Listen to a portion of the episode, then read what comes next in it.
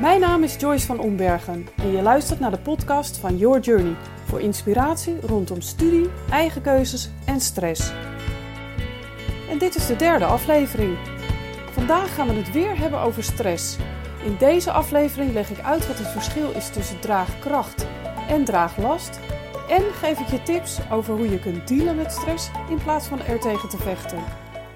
Stressbalans is de balans tussen je draagkracht en draaglast. Draagkracht is dat wat je aan kan. En draaglast is dat wat je in je leven moet doen en waar je door de omstandigheden aan moet voldoen. Je draagkracht wordt bepaald door onder andere je lichamelijke gezondheid en levensstijl. Denk aan gezond eten, voldoende beweging en slaap. Maar ook door hoe, hoe je in het leven staat en je mindset. Ben je een optimist of eerder een pessimist? Vind je snel iets leuk of juist niet? Ga je conflicten liever uit de weg of praat je ruzies rustig uit? Kun je goed met kritiek of feedback omgaan? En verder spelen erfelijke factoren ook een rol. De een kan van nature meer of minder stress aan dan de ander. Maar ook of je gelovig bent of een andere spirituele overtuiging hebt waar je kracht uit haalt.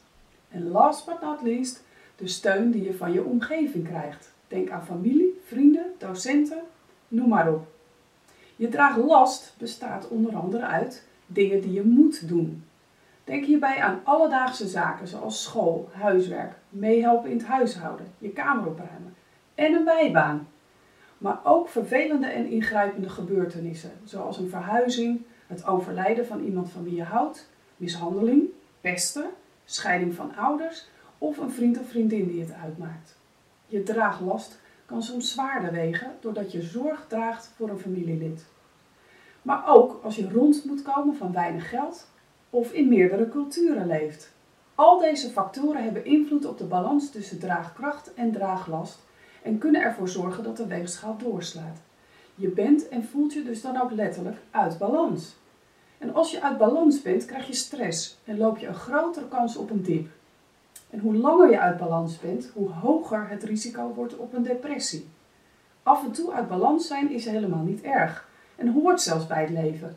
We kunnen niet constant gelukkig zijn en zonder zorgen. En meestal heb je genoeg draagkracht om zelf weer in balans te komen. Maar in sommige gevallen is hulp van buitenaf nodig. Er zijn twee redenen die ervoor kunnen zorgen dat er geen balans is. Dat kan een situatie zijn waarin de draagkracht te klein is in verhouding met de draaglast. Veel mensen proberen te voldoen aan allerlei al dan niet zelf opgelegde eisen, zowel privé als in werk als in hun sociale omgeving. Doordat ze hard proberen te voldoen aan al die eisen, hebben ze weinig of geen controle over hun eigen leven. Laat staan dat ze weten wat ze zelf willen. Tijd om te ontspannen hebben ze niet of nemen ze gewoon niet meer. Die constante druk kan leiden tot een ongezonde leefstijl. Denk daarbij aan weinig slaap, minder beweging, ongezonde voeding of weinig sociaal contact. Dit kan zorgen voor allerlei psychische en lichamelijke klachten. De draagkracht kan ook te groot worden in verhouding tot de draaglast. Dit is dus de omgekeerde wereld. Je hebt dan te weinig om handen. Een te makkelijke situatie, bijvoorbeeld een makkelijke studie of een heel weinig uitdagende baan. Zo wordt de draagkracht niet volledig benut en dat kan ook stress opleveren. Stress kan ook ontstaan door social media. Veel jongeren kijken naar leeftijdsgenoten. Dat is altijd al zo geweest. Maar door social media is er ontzettend veel vergelijkingsmateriaal beschikbaar. En veel jongeren komen er niet aan toe om dieper over zichzelf na te denken of daar met leeftijdsgenoten over te praten. Verder zijn er steeds meer influencers die veel invloed hebben op jongeren.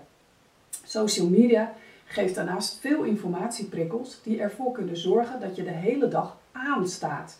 En dit kan op den duur echt veel stress geven. Je af en toe vervelen is dus juist goed. Het is dus zaak om af en toe de weerstand te weerstaan om je mobiel te pakken. Gewoon op bed gaan liggen of zitten en nadenken over hoe je week is gegaan. Een boek lezen, dat zijn gewoon goede alternatieven. Er zijn een aantal manieren om stress tegen te gaan.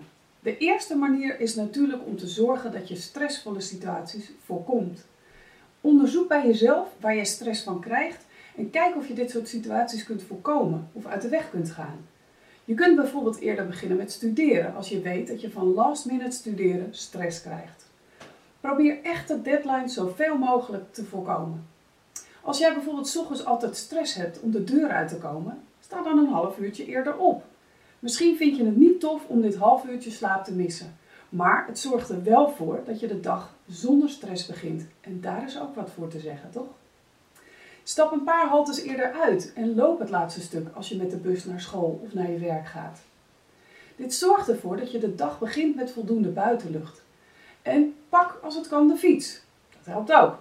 De tweede manier is om de stress die je ervaart zo snel mogelijk terug te brengen tot een normaal niveau. Dit kun je leren door je bewust te worden van wat er met je gebeurt. In het begin kun je dit alleen achteraf benoemen en heb je op het moment zelf nog niets in de gaten. Dan ben je onbewust onbekwaam, zo noemen ze dat.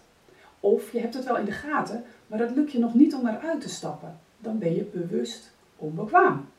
Na een tijdje oefenen zal het je steeds beter lukken om je stressmomenten te herkennen en kun je daar bewust naar handelen. Je komt dan in de bewust bekwaam fase. En uiteindelijk gaat het zonder erbij na te denken. We hebben het dan over de onbewust bekwaam fase. Maar hoe doe je dat nu concreet? Begin met het bijhouden van een stressdagboek en ontdek daarbij wat jouw stresssignalen zijn en op welke gebieden van je leven ze opspelen. Je kunt dit doen in een notitieboekje dat je bij je hebt of in de notitie-app van bijvoorbeeld je telefoon. Ga sporten, bij voorkeur in de buitenlucht. Dit helpt je je aandacht te verplaatsen terwijl je actief werkt aan het wegnemen van spanning in je lichaam. En gebruik je lijf in plaats van je hoofd. Werk met je handen. Ga knutselen, tuinieren, schilderen, opruimen of schoonmaken. Recent onderzoek zegt dat elke dag zingen stress doet verminderen, onze gezondheid verbetert en het kan zelfs geluk vergroten. Zingen is goed voor je hersenen. Hierdoor worden namelijk endorfines, de gelukshormonen, geproduceerd en oxytocine.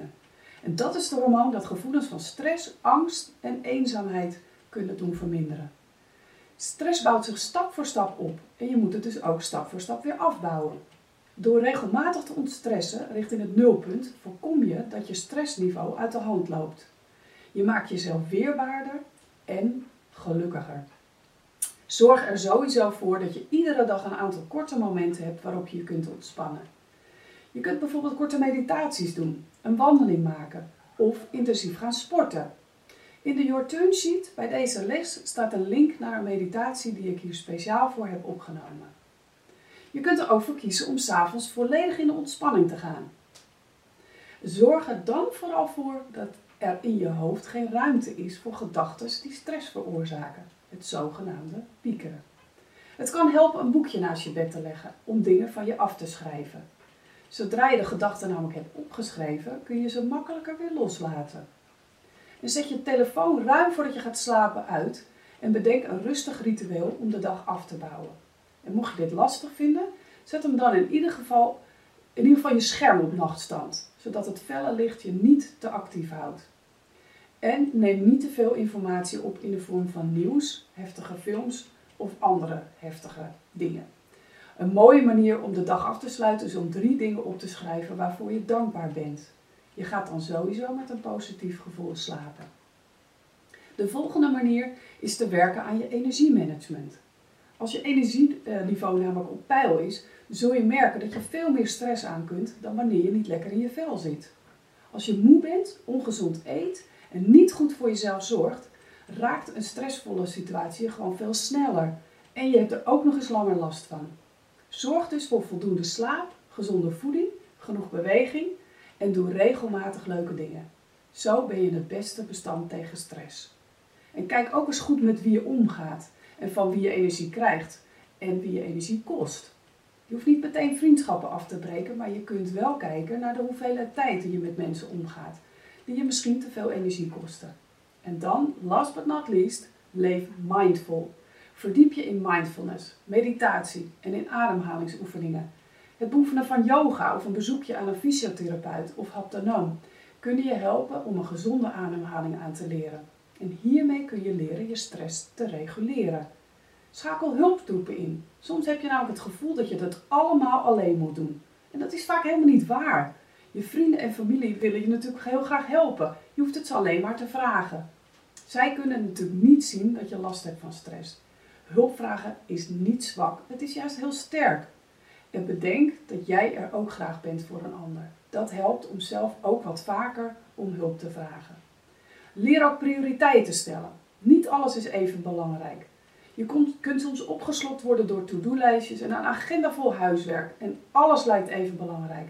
Maak elke dag een lijstje met maximaal drie dingen die je die dag moet, maar vooral wil doen.